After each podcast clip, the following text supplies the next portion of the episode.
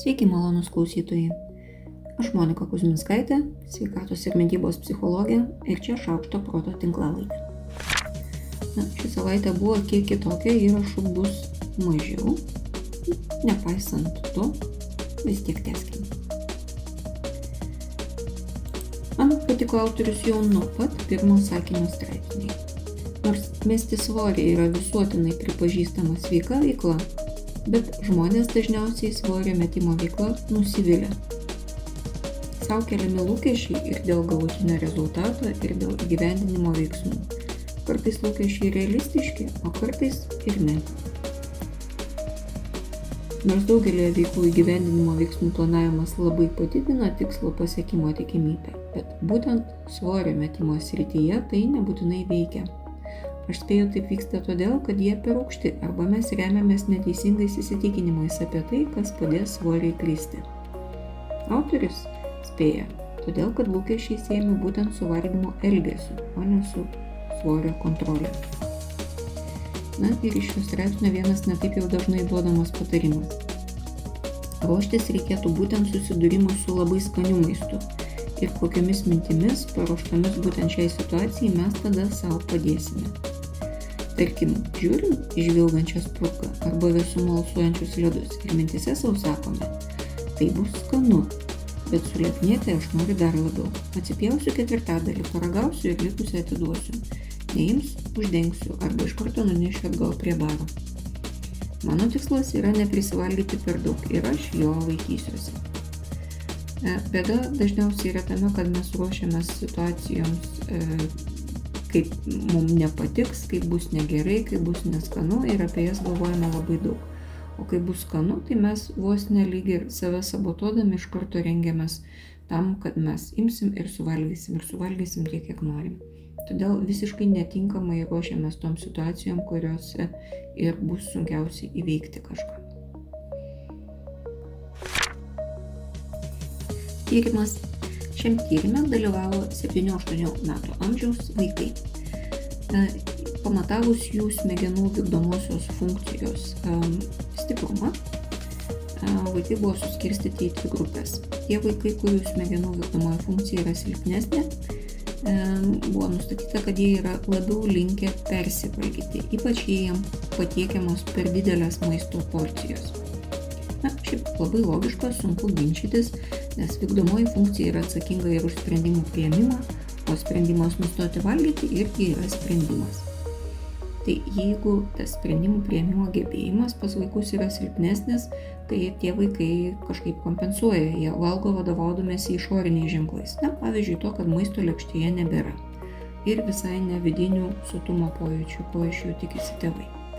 Tai jei vaikam įdedama daugiau, jie suvalgys daugiau ir jiem tikrai neveiks raginimas valgyti kiek nori, tikintis, kad jie suvalgys mažiau. Ką čia galim būtų padaryti? Turbūt reikėtų stiprinti vykdomąją funkciją. Vykdomąją funkciją stiprina vaikų skatinimas žaisti komandinius žaidimus su taisyklėmis, savarankiškumo ugdymas, mokymas planuoti, dienotvarkės ir darbų sąrašų naudojimas, sąmoningas ir dėmesingas malonumo atidėjimas tai jokių būdų ne visų malonumų, bet iš principo paties gebėjimo tai daryti stiprinimas. Taip pat labai padeda meditacijos ir atsipalaidavimo mokymas.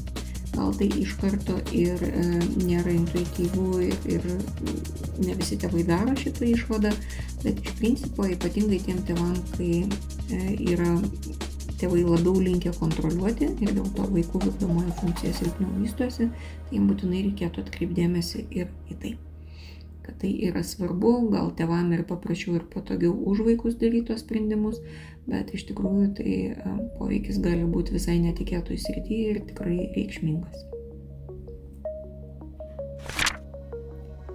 Skaitydama kitą tyrimą, pirmiausiai pagalvojau, kad lietuvių kalboje šio termino cyberspace vieta iš principo niekam neužimta. Arba mes daug negalvodami sakome internetas, E,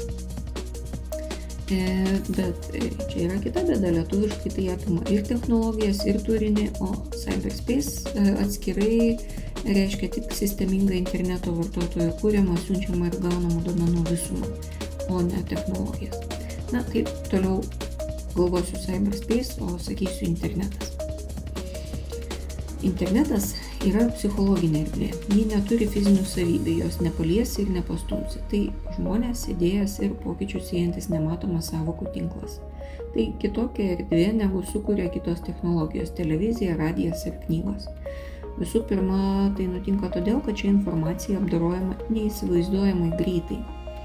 Būtent šis ypač greitas pasikeitimas informacija ir padaro internetą ypatingą erdvę. Jis sukuria kitokį dalyvių identitetą, ryšius, kitokius bendravimo įpročius ir tradicijas, leidžia kitaip pateikti ir interpretuoti tekstą. Vien jau galimybė naudoti nuorodas, kiek atneša naujų galimybių. E, internete taip pat yra kitokios galimybės veikti kitus pojūčius, kitaip veikia laiko, realybės ir fizinios aplinkos elementai. Internetas yra erdvė ten. Tai labai unikali psichologinė erdvė, kuri apjungia žmonių sąmonės ir leidžia eksperimentuoti su žodžiais, vaizdais, laiku, santykiais, savo įvaizdžių ir poveikiu. Kitaip, kaip būtų įma, negu būtų įmanoma fiziniam pasaulyje. Gal mes ir nestaptelim taip pagalvoti apie internetą, bet visada yra prasme tai daryti, todėl kad internete mes kitokie ir gaunam kitokį poveikį negu realiam gyvenime. Todėl negalima ir sutapatinti dalykų, kuriuos mes patiriam realybėje ir kuriuos mes patiriam internete. Na, o penktadienį pradėjau atostogas, todėl uh, bus tarpelis ir vaikė ir kitas epizodas jau bus įrašytas po atostogų. Jei atostogaujate, tai gerų atostogų ir jums. Aš Monika Kuzminskaitė, sveikatos ir mytybos psichologė, padedu spręsti kasdienius ir sudėtingus elgesio, mąstymo ir emocijų klausimus. Rašau, skaitau paskaitas, teikiu psichologinės konsultacijas. Mane rasit socialiniuose tinkluose vardu Šaukštas Proto arba gyvai Vilniuje Goštuto gatvėje. Rašykit man, prašau, asmeninę žinutę socialiniuose tinkluose arba elektroniniu paštu adresu šaukštas.proto atgmail.com. Taikos ir ramybės.